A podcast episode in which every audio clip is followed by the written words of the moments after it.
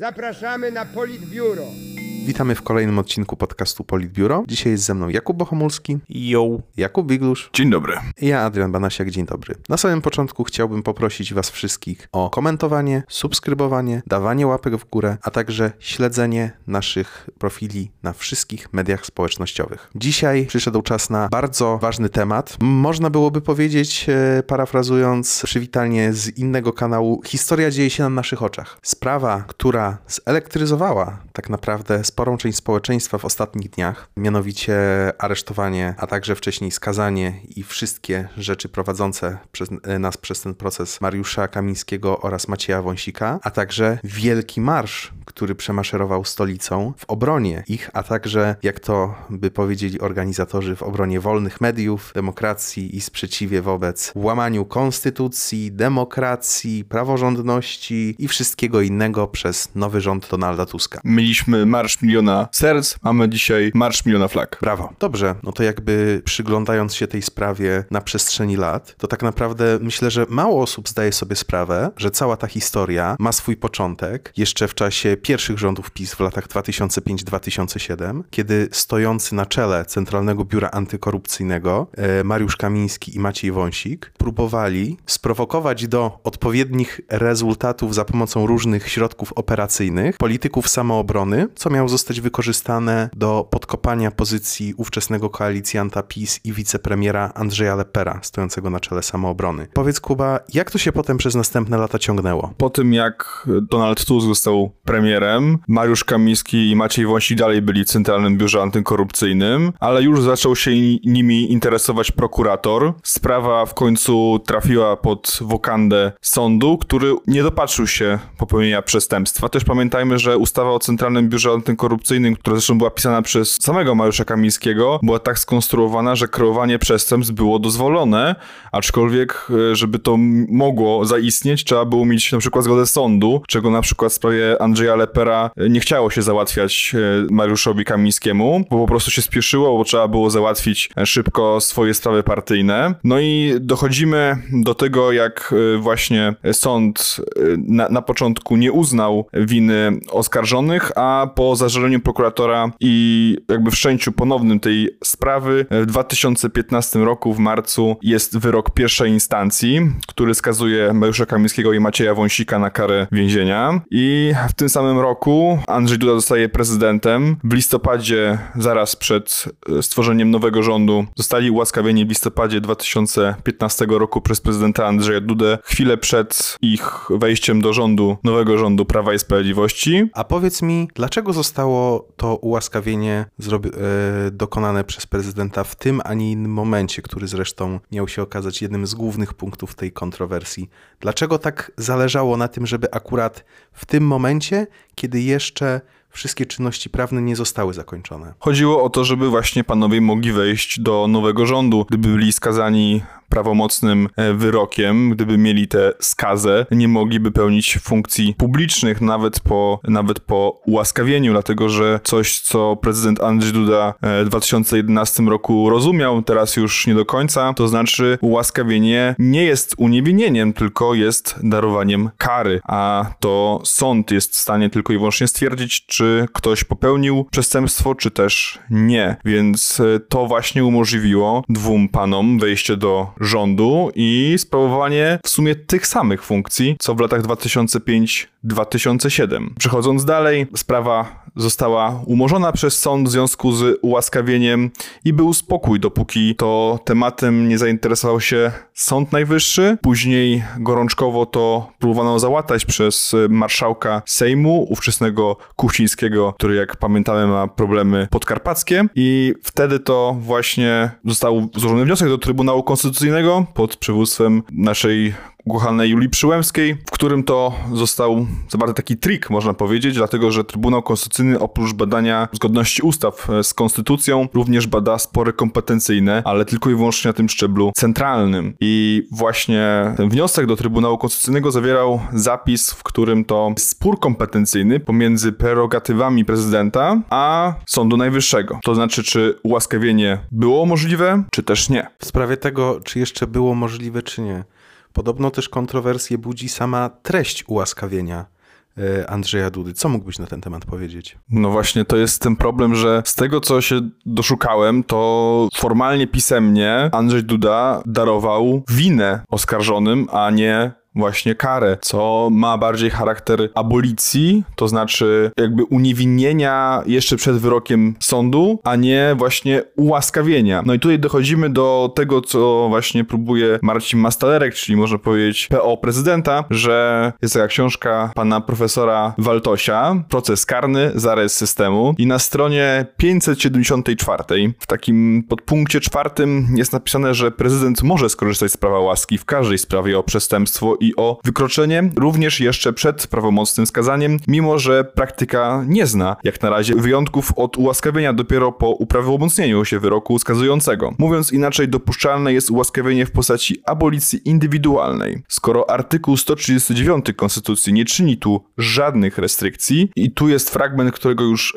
Marcin Maslerek nie lubi cytować, czyli na praktykę niewątpliwie wpłynęła polska tradycja konstytucyjna na podstawie Konstytucji z 21 roku oraz 35, które nie zezwalały na indywidualną abolicję w postaci ułaskawienia. Chyba słusznie przekonanie, że taka abolicja byłaby przedwczesną ingerencją w wymiar sprawiedliwości. Też Andrzej tutaj próbuje swoje prerogatywy wynosić e, z prerogatyw królewskich. Tu jest właśnie ten problem, że no jednak prezydent jest władzą wykonawczą, a nie sądowniczą i nawet e, właśnie pan profesor e, Stanisław Waltoś w wywiadzie dla TVN powiedział o tym, że no patrząc holistycznie na całą konstytucję, trudno wywieźć wniosek, że taka abolicja jest w ogóle prawnie możliwa. No ale mamy tutaj ten spór prawny, który będzie się jeszcze toczył. To, co jest y, teraz i w tym momencie jest ważniejsze, to znaczy treść postanowień Sądu Najwyższego i jego dwóch izb, które są sprzeczne ze sobą. Tutaj warto jeszcze dodać, e, tak wtrącając, że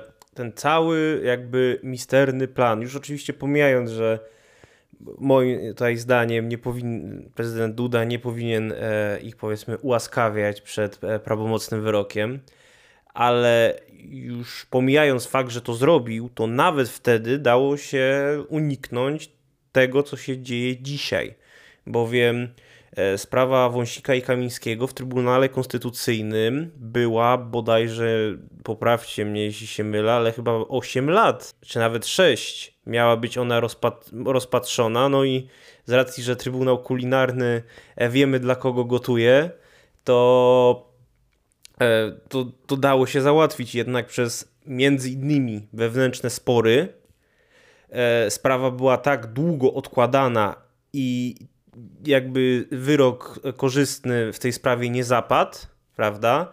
Że Sąd Najwyższy jakby z racji, że Trybunał Konstytucyjny tą sprawą się nie zajął, ją jakby odkopał i zaczął e, bodajże teraz e, możecie mnie też poprawić, ale no, ponownie się ją zajął i jakby e, procesy prawne e, nadal szły, więc tak naprawdę przez zaniedbanie dochodzimy do, jesteśmy w tej sytuacji, w której jesteśmy. No, zachowujesz się, Kuba, zupełnie jakby wyroki miały być ważniejsze od pierogów. Jedną rzecz, którą Kuba powiedziałeś tak e, bardzo, że, że tak powiem, e, chciałbym tutaj ponownie przytoczyć, mianowicie, że Andrzej Duda wywodzi te swoje uprawnienia z prerogatyw królewskich. No, ja chciałbym tylko przypomnieć, że jeszcze w tym roku, e, który właśnie minął, czyli roku 2023, Andrzej Duda E, próbował otrzymać złoty łańcuch e, orderu Orła Białego. No, niestety się to nie udało i monarchą też już prawdopodobnie nie zostanie. Niemniej, e, jak myślisz, czy prezydent myślał, że nie zostanie to zakwestionowane po powrocie do władzy Donalda Tuska? Ja myślę, że jednak Andrzej Duda na to tak nie patrzył, bo po prostu nie myślał o tym jakby są rzeczy ważniejsze niż ułaskawienie swoich byłych kolegów. Na przykład narty. No na przykład, no jakby chodzi o to, że stoki są czasami pełne i trzeba mieć y, czas, żeby tam pojechać. No a to niestety ostatnio śnieg zaczął znowu padać, no ale ten okres w Polsce zimowy jest coraz krótszy. No w każdym razie, jeżeli chodzi o to, Kuba wspomniałeś o tym, że to było takie przytrzymywanie, trochę granie na czas, a to moim zdaniem było celowe. To znaczy taka niepewność która towarzyszyła Mariuszowi Kamińskiemu i Maciejowi Wąsikowi, jest powszechna w Prawie Sprawiedliwości. No nie dość, że jest ta sprawa właśnie, no to pamiętajmy, że właśnie Julia Przyłębska czy, czy pani Manowska, pierwsza prezes Sądu Najwyższego, zostały powołane niezgodnie z procedurą i taka niepewność, taka płynność prawna jest celowa, żeby, jeżeli ktoś jest niepewny, czy będzie miał dane stanowisko, no to słucha się przełożonego w tym przypadku Jarosława Kaczyńskiego, żeby przypadkiem on nie zmienił interpretacji prawnej i żeby ta osoba nie straciła tego stanowiska. Problem polega niestety właśnie na tym, że chcąc zapewnić sobie maksymalną lojalność swoich nominatów, takich jak Przyłębska, Manowska czy też pan prezes Glapiński, e, Jarosław Kaczyński wręczył tymże nominatom do ręki miecz obusieczny i fakt ten teraz tak naprawdę uniemożliwia e, tym organom władzy, które zostały jednak przez PiS przejęte, pełnej obrony tego powiedzmy po, porządku pisowskiego i może się okazać, biorąc pod uwagę wszelkie wydarzenia do, do, dotyczące Kamińskiego i Wąsika, że już niedługo e, po równi pochyłej na nartach obok prezydenta będzie zjeżdżała cała gama najwyższych urzędników państwowych. E, tymczasem, Kuba, powiedz mi, jak ty się zapatrujesz na to pod kątem politycznym?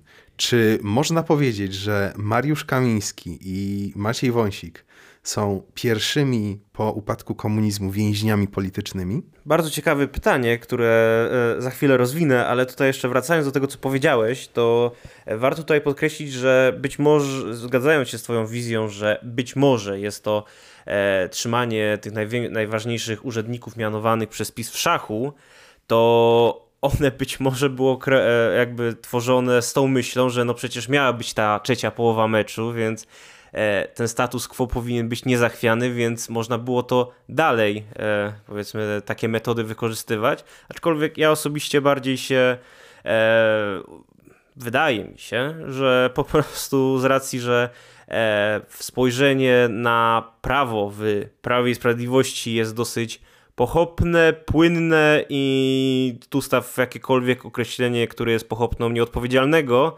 to nikt się nawet tym E, że tak powiem, nie było głębszego procesu myślowego za tym.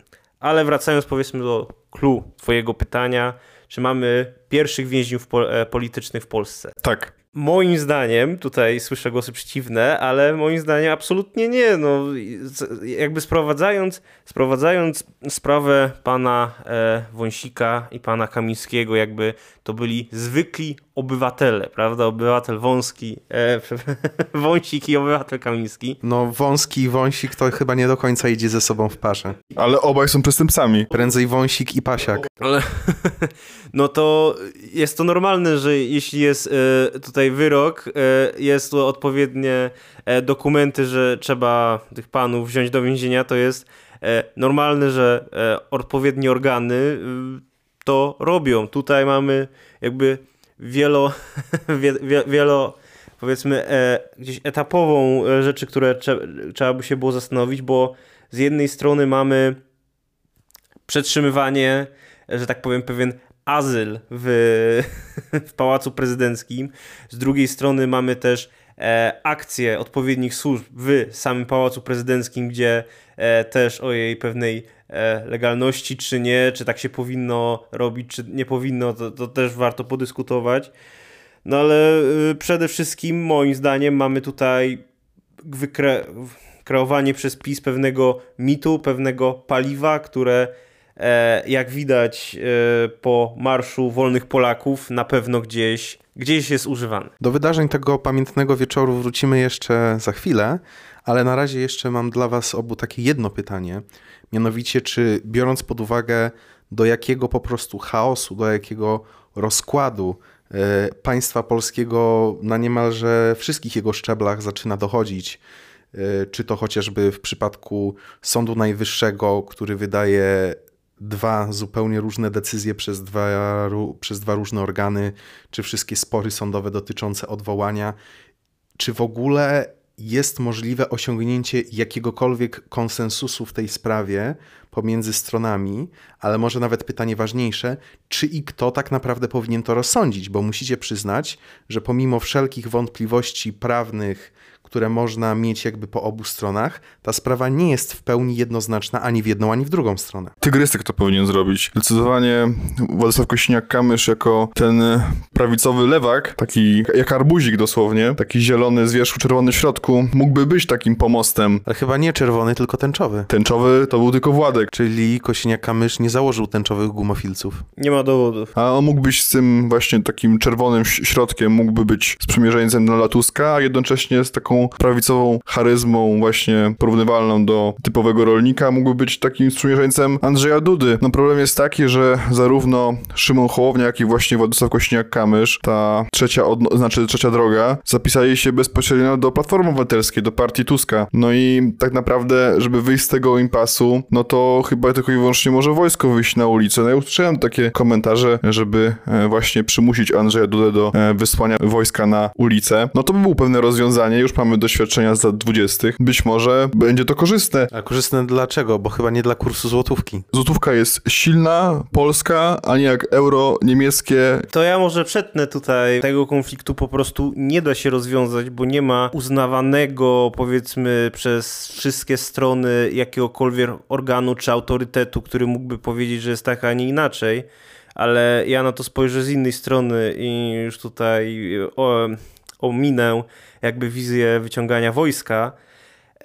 Moim zdaniem po obu stronach tego sporu, czyli żeby tu być precyzyjnym, obóz Prawa i Sprawiedliwości i obóz e, rządowy to jest e, KO, PSL, Polska, i Lewi- e, Polska 2050 i Lewica. Partia Tuska w skrócie. Dobrze, że doprecyzowałeś, bo jeszcze ktoś by pomyślał, że mowa o Polsce jest jednej. E, nie jest w ogóle na rękę rozwiązywanie tego konfliktu. I może z perspektywy państwa warto by było może rozwiązać ten konflikt, ale tak, z perspektywy Prawa i Sprawiedliwości konflikt im dłużej będzie nierozwiązany, tym lepiej, bo jest to dla nich, moim zdaniem, paliwo polityczne, jest to świetna opcja, żeby e, robić marsze, robić burdy, gdzieś to zawsze o tym mówić i cokolwiek teraz będą rozliczenia, to będzie można się zasłonić, o, że my idziemy do więzienia, jeśli oczywiście takie rozliczenia będą, tak jak Wąsik i Kamiński, bo jesteśmy więźniami i w ogóle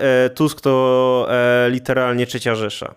Ale też, zaraz tutaj ci oddam głos, po stronie e, rządowej moim zdaniem tym bardziej nie leży rozwiązanie tego konfliktu, bowiem współpraca z Andrzejem Dudą jest ciężka, a będzie jeszcze cię, cięższa, zważając na to, że e, Duda zapowiedział, że ma wetować każdą ustawę, jaka do niego wpłynie. I tego właśnie chciał Donald Tusk. Donald Tusk chciał doprowadzić do momentu, w którym to ma kolejnego przeciwnika. I teraz przez półtora roku do wyborów prezydenckich, a, a przypomnę, że jeszcze po drodze mamy i samorządowe, i europejskie.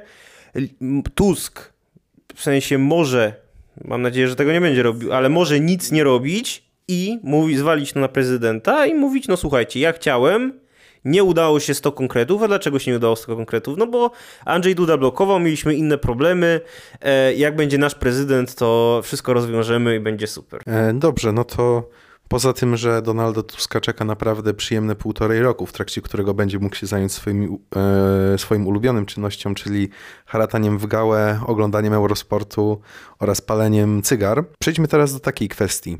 E, Mam pytanie dla Was obu, ale także dla naszych widzów i gorąco zachęcam do napisania w komentarzu. Gdybyście byli Marcinem Mastalerkiem, zwierzchnikiem Andrzeja Dudy i szefem Pałacu Prezydenckiego, i gdybyście mieli gdzieś w nim ukryć Mariusza Kamińskiego i Macieja Wąsika, to czy to byłby A. Schowek namiotły, B.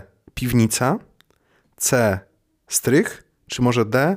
Wasz własny gabinet? To e, ja odpowiadając na to pytanie, e, to może nie będę zdradzał odpowiedzi, ale w każdym razie tutaj przechodzimy do e, akcji e, przejęcia obu panów z Pałacu Prezydenckiego, którą trzeba powiedzieć, z tego co gdzieś się czyta w mediach, prawdopodobnie PiS się w ogóle, no, PiS, Andrzej Duda, przepraszam, Mastalerek się nie spodziewali to była e, troszeczkę taka opcja, nie, szczerze nie wiem jaki był plan, czy plan był taki, żeby e, panowie e, Wąsik i Kamiński siedzieli w Pałacu Prezydenckim, nie wiem, przez kolejne 4 lata, czy, czy może i dłużej, ale na pewno nikt się nie spodziewał, że, że ktokolwiek tam wejdzie, że ktokolwiek tych panów po prostu weźmie i, i, i przeniesie do aresztu. Jest to o tyle też ważne, że prawdopodobnie Służba Ochrony Państwa, która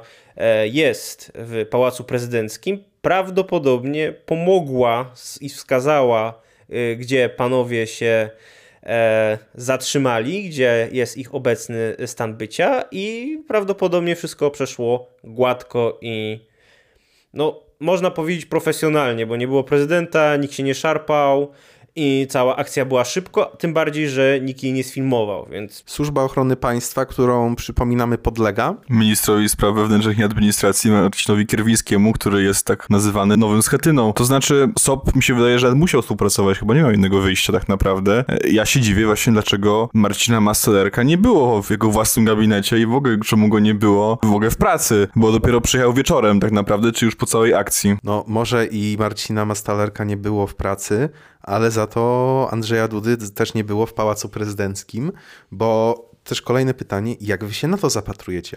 Bo z jednej strony to mogło być takie zręczne uniknięcie e ewentualnych zarzutów o to, że po prostu pomagał przechowywać e, skazanych przestępców, ale z drugiej strony, e, jeśli tak nie, jeśli tak by nie było, to w momencie, w którym jest możliwe wejście policji do Pałacu Prezydenckiego, do twojej siedziby, a ty jedziesz się spotkać z, z Swietłaną Cichanowską, która no, jest powiedzmy e, no jednak pewną osobą, symbolem opozycji białoruskiej demokratycznej, no ale czy to jest powód, żeby porzucać jedną z najważniejszych spraw na arenie krajowej w ostatnich miesiącach? Może chodziło właśnie o to porównanie, że prezydent Andrzej Duda spotyka się ze Swietłaną Cichanowską, opozycjonistką białoruską, a y, u niego na chacie, że tak powiem, siedzi Mariusz Kamiński, opozycjonista, który zaraz będzie wtrącony do więzienia jako więzień polityczny. No tak naprawdę,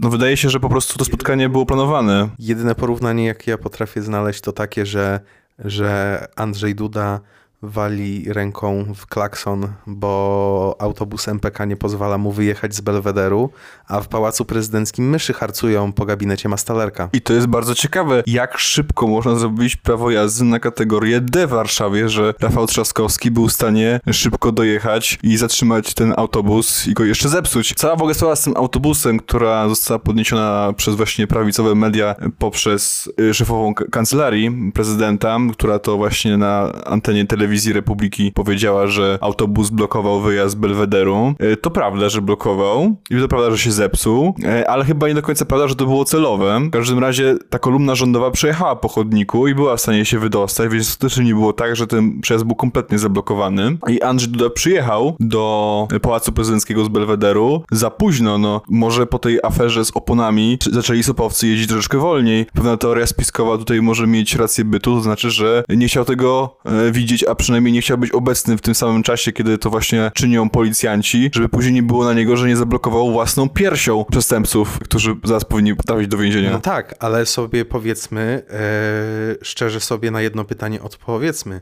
Jeśli prezydent RP nie jest po to na swoim posterunku, żeby bronić niesłusznie prześladowanych, e, jeszcze nie więźniów politycznych, to po co on tam jest? No chyba nie po to, żeby być strażnikiem Żyrandola. Ale już sokowigrovki już nie ma, tak? Że już nie ma czego pilnować. Ja powiem więcej, inaczej pewnym wytłumaczeniem e, tego, co zrobił Andrzej Duda było to, że on wręcz czekał, żeby tych e, ludzi e, fu, e, Wąsika i Kamińskiego wzięto, żeby prawda e, była lepsza frekwencja na Marszu Wolnych Polaków, żeby ten jakby ogień podsycać i żeby te e, emocje, powiedzmy, miały tutaj swoje gdzieś ujście. No, powiem ci, jest to bardzo dobra myśl. Generalnie Andrzej Duda bardzo lubi podsycać marsze, biorąc pod uwagę, jak to tuż przed marszem 4 czerwca podpisał Ustawę Lex Tusk. Ustawę tak. Lex Tusk, która pomogła, ale, ale y, że tak powiem, e, ten cały, cały ten misterny plan, który tutaj zaproponowałem, się rozbija po tym, że Andrzej Duda na oficjalnie na prośbę żon e, obu panów e, podpisał bodajże i zaczął kolejną procedurę ułaskawieniową, więc moim zdaniem tutaj możemy myśleć, jakie były motywy i tak dalej, ale patrząc na Andrzeja Dudę i jego zachowanie i gdzieś jego doświadczenie prawnicze, a dokładnie jego brak, ja bym wcale nie wykluczał, że po prostu, no jak nie było szefa, czyli pana Mastalerka, no to mu, był Andrzej Duda, ale bez mózgu i, i, zrobił to, co uznał za stosowne, niekoniecznie o tym myśląc. Teraz pozostaje takie pytanie, ono myślę, że pójdzie rzucone weter.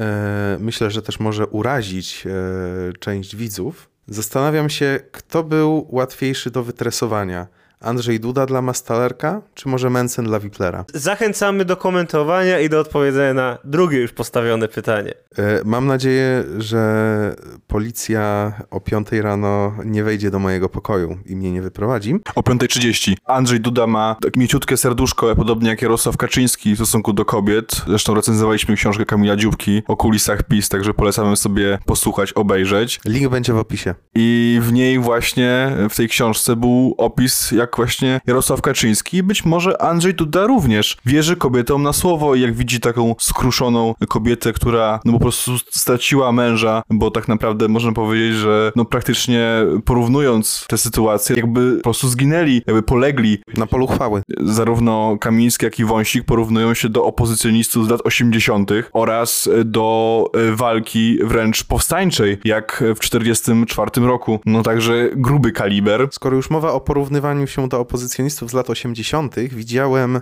na Marszu Wolnych Polaków zdjęcie, na którym e, młody Mariusz Kamiński stał przed e, grupą zomowców, czy tam no generalnie milicjantów i tym milicjantom doklejono na sercach e, serduszka koalicji obywatelskiej. Tam był też pies? Nie widziałem żadnego. Żadnego pocałunku z psem też nie było. Ale dlaczego e, pan minister Kamiński miałby całować Ryszarda Terleckiego? Z miłości takiej braterskiej i zamiłowania do różnych substancji. Widzowie właśnie widzą na ekranie, co mamy na myśli, ale przechodząc już do wydarzeń najnowszych, e, mam do ciebie, Kuba, pytanie. Jak oceniasz Marsz Wolnych Polaków? To będzie jakby pytanie główne, ale teraz jeszcze będzie pytanie pierwsze, podstawowe. Ile było osób? Czy tyle, ile mówią organizatorzy do 300 tysięcy? Czy tyle, ile mówi ratusz 35 tysięcy? Czy tyle, ile e, podadzą pewnie e, jakieś, ko, e, jakieś profile na Twitterze o bardzo silno razemowym skręcie, że to było tylko 500 osób maksymalnie. Twoje pytanie o Marsz Wolnych Polaków po pozwolę sobie rozszerzyć. Moim zdaniem Marsz Wolnych Polaków jest to jedyna inicjatywa i działanie PiSu od, bądźmy tutaj, e, powiedzmy, pójdźmy na grubo, od stracenia władzy, które mogę nazwać sukcesem. Bowiem rzeczywiście jest tam, wydaje się, sporo osób, mimo, że powiedzmy przesłanki tego są, e, marszu są fałszywe, no to rzeczywiście jest to ładny obrazek i gdzieś rzeczywiście zapadający w pamięć, aczkolwiek trzeba pamiętać, że te wszystkie rzeczy, które e, zanim ten marsz nastał i te działania PiSu, no, były porażką. No, partia, która przez 8 lat rządziła, która naprawdę miała pieniądze, miała wszystko, była w ogóle nieprzygotowana. Miałeś chamie złoty ruch.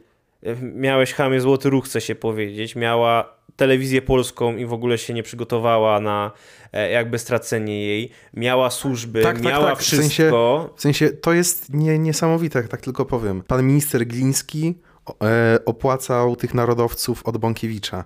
Gdzie oni się podzieli? Czemu nikt nie zatrzymał? E, czemu tak po prostu w biały dzień że tak powiem trochę żartobliwie, cytując Przemysława Czarnka, Jaruzele od Tuska weszli do TVP. Czemu nikt nie był w stanie ich powstrzymać? Państwo PiS padło po prostu jak domek z kart. No, no ale kontynuując moją myśl, widać było, że PiS po prostu raz, że to co też mówiliśmy, nie potrafi się pogodzić, ale dwa, nie ma totalnie pomysłu, płacił dużo właśnie na, e, na narodowców, nie było ich, płacił też na e, kurczę jakieś e, rzeczy związane z kościołem tak samo, gdzieś, e, gdzieś ten impact w ogóle go nie ma, no i no, na razie z, z czym mogą się pocieszyć, to Marsz Wolnych Polaków. Jeszcze jedna myśl. Czemu w górę biegu Wisły nie wpłynął jacht Polskiej Fundacji Narodowej. No bo już jej nie ma po prostu. Ale co do frekwencji, no to właśnie mamy najnowsze informacje e, z potężnego mm, portalu internetowego Der Onet. E, między 90 a 120 tysięcy osób ponoć brało udział w tym potężnym wydarzeniu prawdziwych polskich Polaków. Dobrze.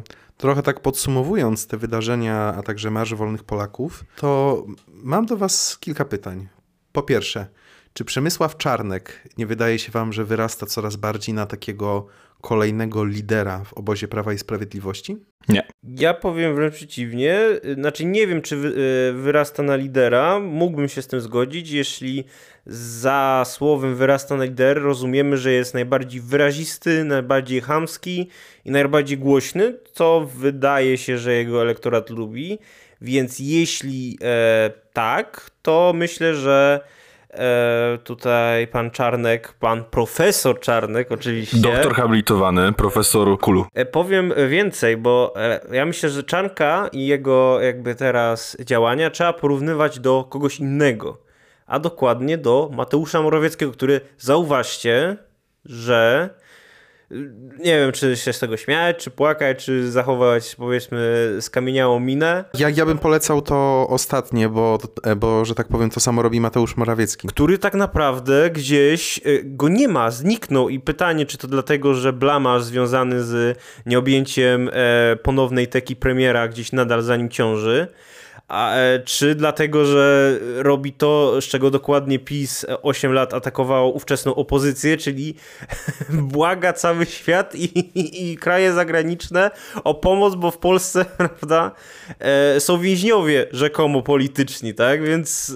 No Mateusz Morawiecki e, stworzył takie, można powiedzieć, orędzie właśnie w języku angielskim, w którym właśnie przekonuje partnerów zagranicznych, że właśnie w Polsce są więźniowie polityczni. No, jeżeli chodzi o to, czy Czarnek będzie nowym liderem? No oczywiście, że nie, bo on wykonuje zadania po prostu, które ma powierzone. No i jeżeli e, wy się zgadzacie z taką teorią, że on może być takim nowym liderem, no to powiedzcie mi, czy na takim samym li liderem mógł być Janusz Kowalski na przykład? Chociaż jest bardzo wyrazisty, przynajmniej był, bo już teraz się schował, no ale był swego czasu. Nawet krzyczał na kołodziejczaka w Ministerstwie Rolnictwa. W sensie zależy jakby co rozumiemy jako lider, bo ja po prostu E, zadałem to pytanie z myślą, że jako bycie takim, powiedzmy, na największym krzykaczem, najbardziej takim medialnym, powiedzmy, takim fighterem, tak jak to kiedyś na przykład był jeszcze zanim uciekł do Europarlamentu Dominik Tarczyński. E, co by nie było, jednak no to jest takie, jak to się mówi, wilcze prawo opozycji żeby po prostu drzeć łacha za przeproszeniem i robić grandy. No to ja bym powiedział tak, że zarówno Czarnek, jak i Kowalski, jak inne osoby podobne do nich, to są, to są właśnie osoby, które się wystawia, czeka aż cię spalą, i do śmieci. I tak samo było z, notabene z premierem Mateuszem Morawieckim, który był przydatny do któregoś momentu. Kiedy przestał być przydatny, bo przestał być premierem, to do śmietnika. Jedyne co zauważyliśmy to, jak był pod telewizją polską i próbował wejść razem z, z Piotrem Millerem do telewizji polskiej i go nawet nie wpuścili. Strasznie, strasznie podchodzicie ostro do Mateusza Morawieckiego. A nie wzięliście pod uwagę być Bo może... miał być premierem tysiąclecia, a się okazało, że był premierem tylko... 6 lat. Sześciolecia. A nie wzięliście pod uwagę takiej możliwości, że jego były chlebodawca Donald Tusk powiedział, że jak nie schowa tego wielkiego nosa, to, to nastąpi wyciek informacji na temat majątku jego żony? Myślę, że dla, dla Mateusza Morawieckiego na razie to, e, to jest gdzieś temat uboczny, ale nie wiem, czy po, pozwolicie mi gdzieś zadać wam pytanie, bo tutaj... Ależ jasne, że pozwolimy. Ach, dziękuję bardzo. Dla Polski. Bo to, co mówisz, wilcze prawo opozycji, cała sprawa e, gdzieś Prawa i Sprawiedliwości, który jakby nie patrzeć, zachowuje się dokładnie jak e, szeroko krytykowany, no może nie krytykowany, ale w tych kręgach krytykowany e, kod, który, że tak powiem, na początku e, kadencji Prawa i Sprawiedliwości pierwszej, e, czyli w 2015 roku, powiedzmy, działał podobnie.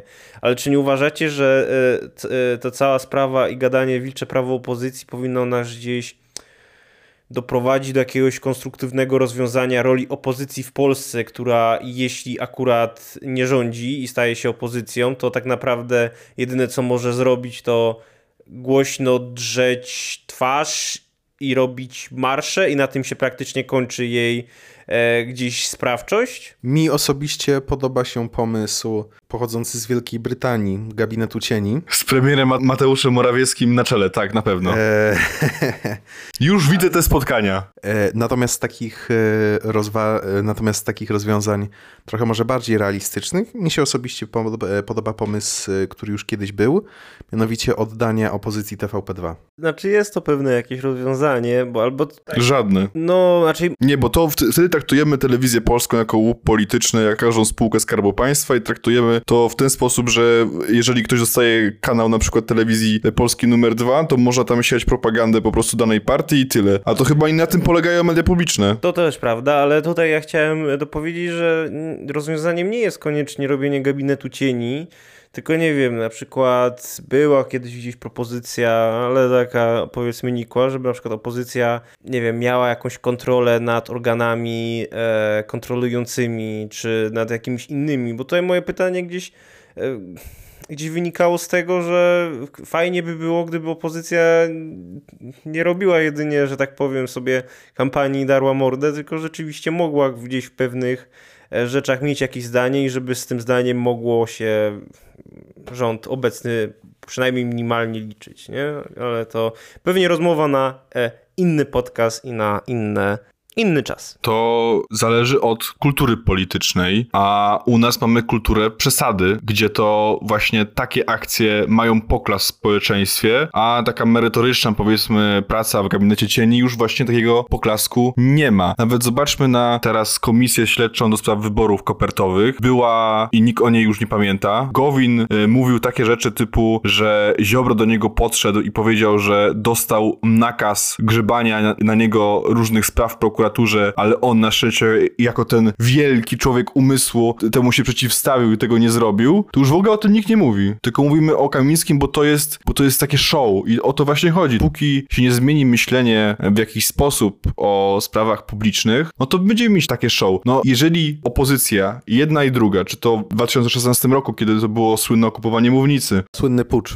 czy to teraz PiS, to by nie mogło mieć racji bytu, gdyby ludzie tego po prostu nie oczekiwali. Ale ludzie tego chcą, ludzie tego oczekują i politycy też tego oczekują i tego by chcieli. No pewnie, bo można wyjść na ulicę i krzyczeć e, różne ciekawe frazesy. Tak, na przykład konstytucja, wolne media i demokracja, które to krzyki, tak jak rozbrzmiewały w 2016 roku, tak rozbrzmiewają w dniu dzisiejszym, kiedy to nagrywamy, na ulicach naszej stolicy. No ja czekam, aż e, będzie to słynne przekazanie koszulek z otułą ze strony Koalicji Obywatelskiej oraz e, całej partii Tuska na rzecz właśnie Prawa i Sprawiedliwości, bo to wtedy byłby taki gest pojednania, można powiedzieć, jakiś sposób, no ale takie zamienienie miejscami, fajnie by to wyglądało. Nie da się ukryć, że przynajmniej w najbliższym czasie, przynajmniej mi, się tak wydaje, konflikt e, pomiędzy powiedzmy z jednej strony głównie Platformą Obywatelską, a raczej partią Donalda Tuska, e, chciałaby się, chciałoby się rzec, a Prawem i Sprawiedliwością będzie tym, co będzie elektryzował miliony Polaków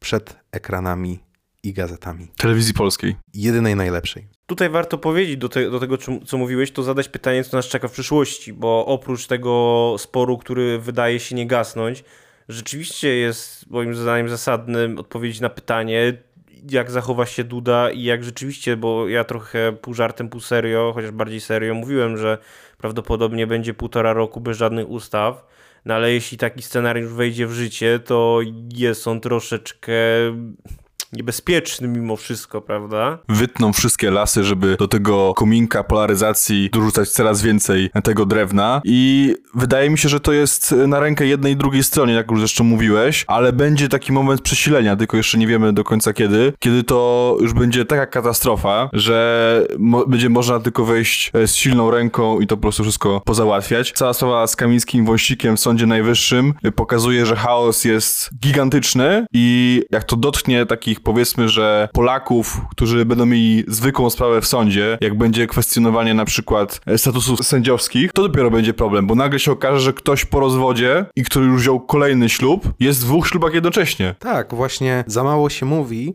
o tym, że ta wojna, że dalsza eskalacja tego konfliktu, szczególnie na drodze prawnej, że, że właśnie dalsza polaryzacja w końcu uderzy e, w zwykłych ludzi.